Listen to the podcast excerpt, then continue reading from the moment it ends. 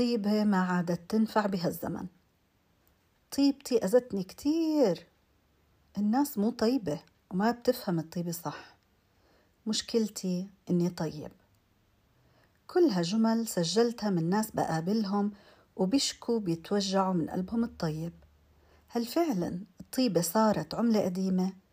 اليوم رح نكسر هذا القالب ونفكر بعمق شو المهارات العاطفية اللي لازم الناس الطيبين يطوروها في حالهم حتى يعرفوا يوظفوا طيبتهم في حياتهم بذكاء؟ معكم مهندسة رولا الكيلاني من عمان بودكاست وفر طاقتك وأهلا وسهلا فيكم.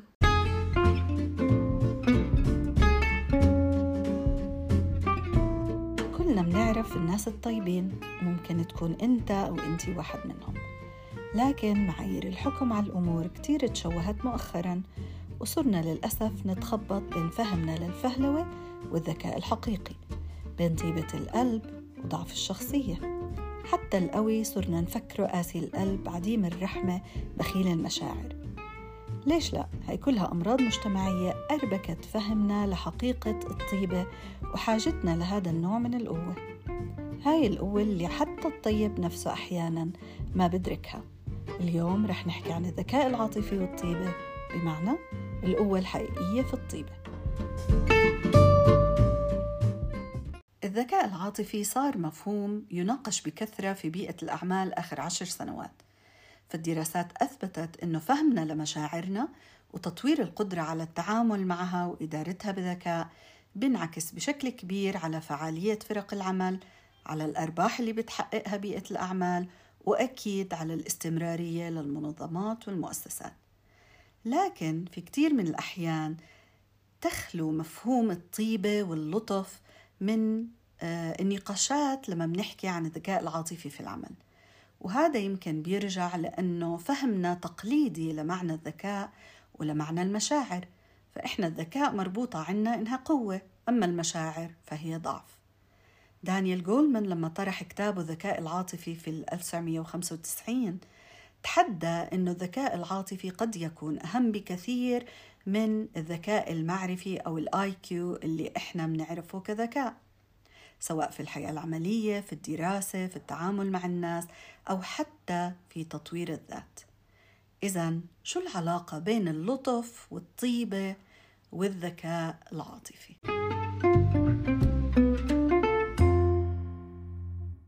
خلينا ندردش شوي عن الأخلاق. كتير ناس بتفتي بالأخلاق من منظور ديني عقائدي فكري إنساني مهما كان. إلا إنه الأخلاق هي أرزاق. ناس فيها فقير وناس غني. بس كلنا بنعرف إنه العالم بحاجة إلى إسعافات أولية لمنظومة التشوهات الأخلاقية اللي منعيشها بشكل يومي. فما عاد البوتوكس ولا ال filler قادر على تغطية تجاعيد النفس المهترئة بفعل التجارب الحياتية اللي باتت تاكل شوي شوي ممن جفت قلوبهم وقست لحتى ما صار من الصعب كتير في كتير من الأحيان تسمية الأشياء مسمياتها الحقيقية. فالطيب زي ما قلنا صار أهبل والمتسامح ضعيف والفرق كبير بس اللي بيشوفه هو اللي حافظ على فطرته الحقيقية وعرف الفرق.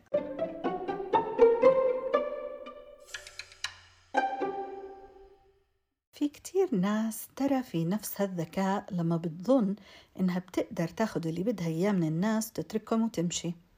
وبصير الطمع والأنانية وحب السيطرة والظهور والسيادة هو الهدف.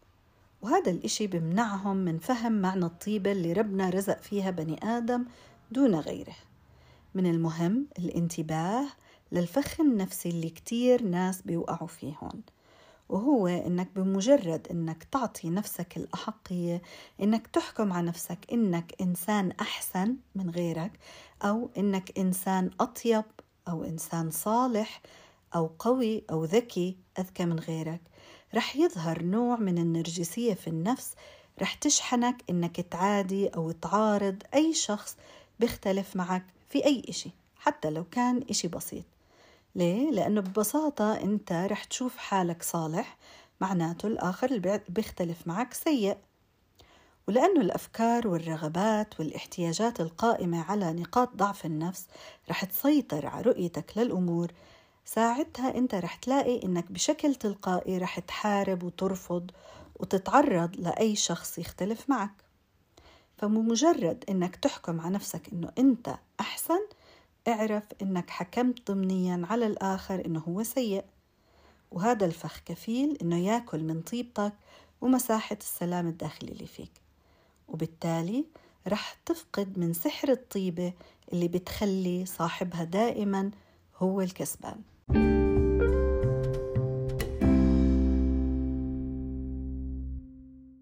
إذا لا فهمنا لمعنى الأخلاق أو ممارستها أمام الناس هو اللي بيعطينا لقب طيب. المهم إنه داخليا أكون أنا مصدق إني غني ومكتفي من جوا. إنه عندي قلب لين رحيم قريب من الله. قلب يخشع وينفع. قلب يشعر بمتعة وسمو في المقام الإنساني. إذا هي طيبة ما بنسمعها بالوصف أو المنصب وما بنشوفها بعلامات الجمال والكمال والمظاهر المتناسقة لكن نلمسها بقلبنا فبتدوب قلبنا من خجله وبتذكرنا بلين قلوبنا. إذا من لا يلين قلبه من لمسة قلب الطيب ليعلم أنه في خطر فالطيبة تحتاج إلى مخ صاحي وقلب خاشع يفهمها. نعم فلين القلب رزق وليس فرصة للاستغلال أو ضعف. وهلأ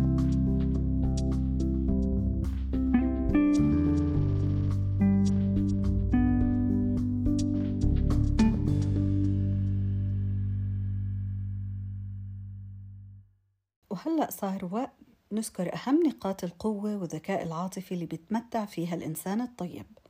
حاول تحضر ورقة وقلم تعطي حالك رقم من واحد لثلاثة على كل نقطة بحيث واحد ضعيف اثنين معتدل ثلاثة قوي لكل مهارة من المهارات اللي رح نذكرها. هالتمرين بسيط لكن رح يساعدك كتير في تشكيل صورة واضحة عن النقاط اللي بتميزك حتى تثق في قوتك وما تتأثر إذا حد حاول يقنعك إنها ضعف. وكمان تحط إيدك على المهارات اللي لازم كمان تطورها في حالك عشان تقدر تستمتع بطيبتك وتستغلها بحياتك صح؟ إلك ولأحبابك من حولك.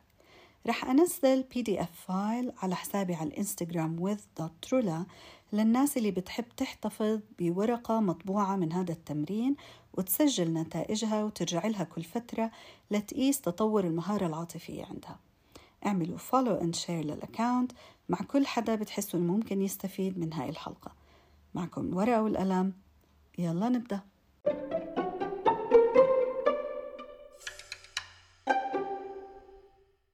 واحد. الطيب يرفض لعب دور الضحية. قوته الداخلية بتمنعه من إنه يستجدي عطف الناس. فبتلاقي ما بيلوم حدا عضيقه ما بتكلم أو بتصرف بهدف إثارة الشفقة. إذا هو قادر إنه يمرر المعطيات اللي بواجهها في يومه على منظومة الفكر والمشاعر والقيم اللي طورها وبيعتز فيها. كمان هو يتقن استغلالها في إيجاد الحلول. بس انتبه يا طيب هون لنقطة. إنك ما تجور على نفسك كتير وتعترف بتعبك أو عدم قدرتك على التحمل قبل أن تؤذي نفسك أو أقرب الناس إليك. تنين الطيب ما بيلوم نفسه علين قلبه أو تسامحه. هو متحرر من نفخة الإيجو المزعجة اللي بتستفز النفس للسيطرة على الآخر بهدف شحن القدرة الذاتية على الصمود. عشان هيك هو ما بيستمع لشماتة العقل عندما يتعامل بطبيعته السمحة آه، وكرم النفس اللي عنده بل بالعكس بشحن طاقته على العطاء من خلال تأثيره في محيطه. من المفيد أنه تستفيد يا طيب من الظرف والشخصية اللي أمامك لتعلم مهارة جديدة حتى ترفع من ثقتك بنفسك وتعرف كيف تدير طاقتك وعطائك بفعالية فما بتعطي على حساب نفسك أو تعطي لمن لا يستحق أو لن يستفيد من عطائك مثلا لعدم نضجه أو في وقت غير مناسب لهذا العطاء.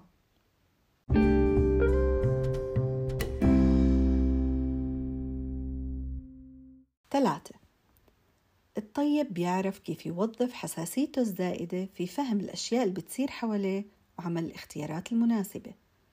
هو بيعرف إنه هاي الحساسية قدرة الله أعطاه إياها وبيعتقد إنه في كتير ناس بيسلموا مفاتيح هاي الحساسية مع الوقت لكن بتحولوا لوحوش في هيئة إنسان متحضر.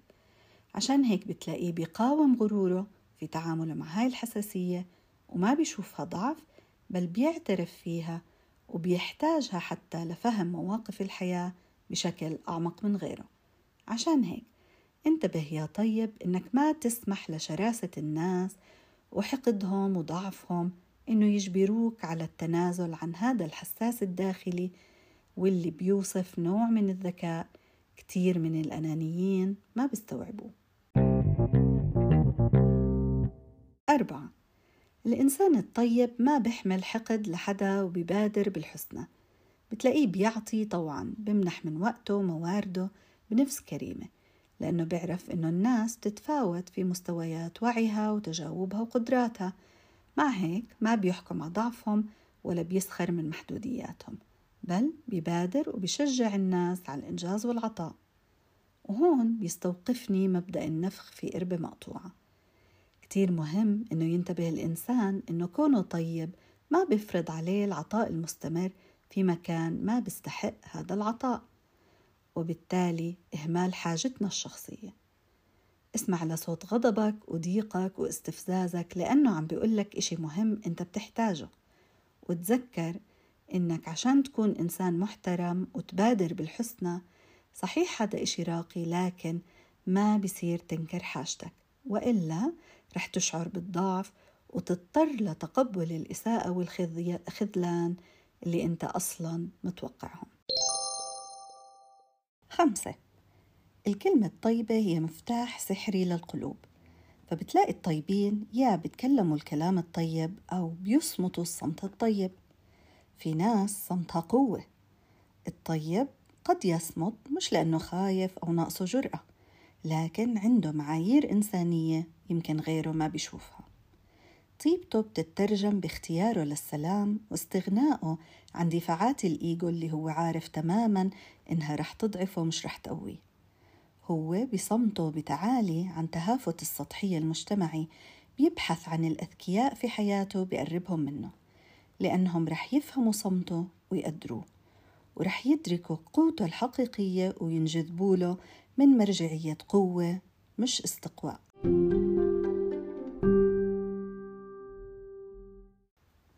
صاحب القلب الأبيض يتقن فن الكلام بشفافية فبتلاقيه بتكلم عند الحاجة وبيعرف لمين يوجه كلامه بشكل مباشر كمان بيختار الوقت المناسب. ما بلف وبدور أو بسمع الكلام من بعيد أو بيعبر عن الإشي اللي بده إياه بالتلميح أو ببالغ بالكلام والثرثرة. لأنه بيعرف إنه كثرة الكلام توقع صاحبها وغيره في المشاكل بغض النظر عن النية. فهو بيهتم إنه ما يأذي حدا وبيختصر وبيوجز. كمان هو متحرر من الشعور بالذنب لأنه آه قال كلمة أذت فلان أو تسبب بمشكلة لناس حواليه دون قصد. فكلمته دائما تلاقيها بتعكس سرعة في القدرة على اختيار ال- ال- الكلام المناسب أو إيجاد حلول مرضية لموقف مشحون لأنه عنده ذكاء خاص وهو ذكاء التعاطف مع حاجة الناس. ستة. عين الإنسان الطيب بتلاقيها دائما تبحث عن الجمال والخير في كل شيء. هو يلتقط الجمال ويشعه والجمال بالنسبة للطيب هو حالة مش صورة. هو بيستشعر الإشي الكويس والإشي الجيد وبيعززه وبتلاقيه بيبتعد عن الرديء بسلام.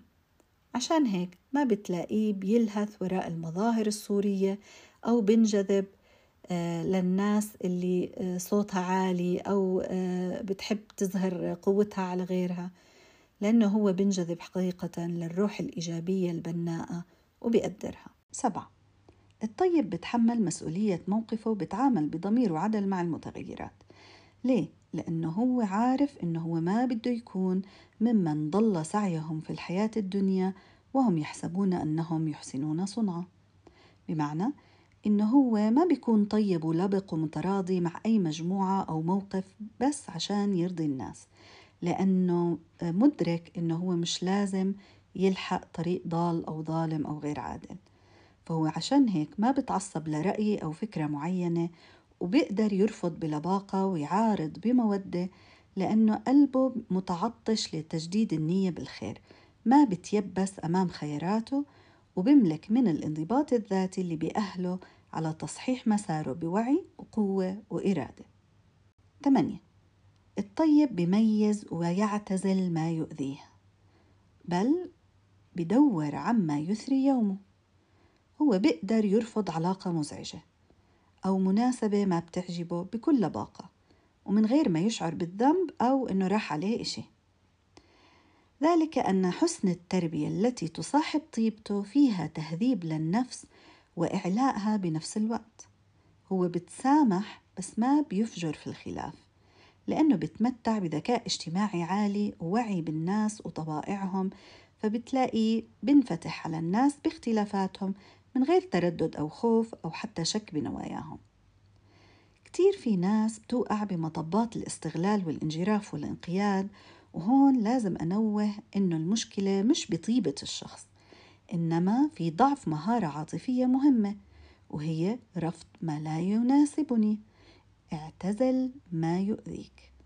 والطيب يطور هذه المهارة بالتجارب والمواقف من غير ما يسمح لهذه المواقف والناس اللي حواليه تنهش من المعاني الجميلة اللي هو بيؤمن فيها أو من شعوره بالسلام.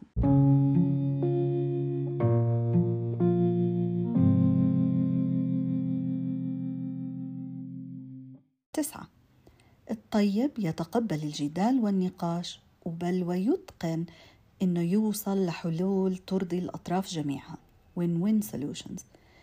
وكمان مرات بيتعمد بذكاء إنه يدخل في نقاشات حيوية إلها طابع خلافي جدلي حتى يحط الأشياء على الطاولة ويساهم في إحداث تغيير للأفضل. أحيانا في ناس تتفادى مثل هاي النقاشات الحادة ظنا منهم إنه هيك هم بيختصروا المشاكل بس هم بالحقيقة بخبوا على المشاكل. وما بيملكوا مهارة إدارة الحوار فبيهملوا الحل أو بس بأجلوه بأخره. عشرة الإنسان الطيب يستشعر عجلة الألوان. فالناس تتلون حسب الحاجة وحسب النيد.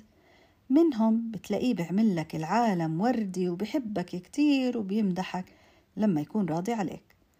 أما إذا لفت عجلة الألوان معه والحاجة بتلاقي العالم فجأة قلب رمادي وألوان عنيفة مش عارف من وين جاي إذا أي حدا اقترب منهم حتى لو بالتلميح أو آه، حاول يلمح على مواطن ضعفهم وأزرار استفزازهم. من المفيد إنه يتقبل الإنسان هاي التحولات عند الناس. ليه؟ لأنه اللي بيبين لك لونه الحقيقي عند المصالح هو عم يريحك عم بيخبرك, بيخبرك بحقيقته. أنت رح تعرف بعدها إنه هو ما رح يراعيك إذا ما حصل على مصلحته. آه، ما بدنا نحكم سواء حسن نية سوء نية أو ضعف في القدرة على التعاطف الحقيقي معك أو مع غيره. ومن هون بتلاقي إنه أنت لازم تقوي من ثقتك بنفسك اتجاه الإشي اللي أنت حاسه. لما حدا بيقول قدامك كلام أو بتصرف بموقف أو حتى ما بتصرف بموقف أنت بتتوقعه أو ما بيقول الكلمة اللي أنت بتستناها منه. خلص اعرف إنه هذا الإنسان ما عنده هاي القدرة. سامح بس ما تنسى. وما تقيس الأمور من زاوية توقعاتك أنت بس. حتى ما تعول على هاي الشخصيات وتضيع طاقتك الطيبة في غير محلها. وفر هاي الطاقة للي بيستحق وقتك وصحبتك. حتى تتقن لعبة الألوان وتحمي طيبتك من تلون أهواء الناس ورغباتهم.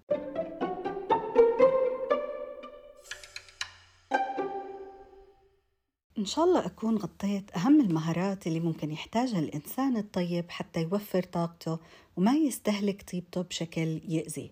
من المهم جدا أنه نجدد إيماننا بأهمية الطيبة في حياتنا وما نخلي التحديات والصعوبات تشوه معاني الطيبة في نفوسنا لأن الطيبة خير وقوة وجهاد حقيقي للنفس ضد شرور العالم اللي بس بيقدر يحافظ عليها هم أصحاب الفطرة الحقيقية.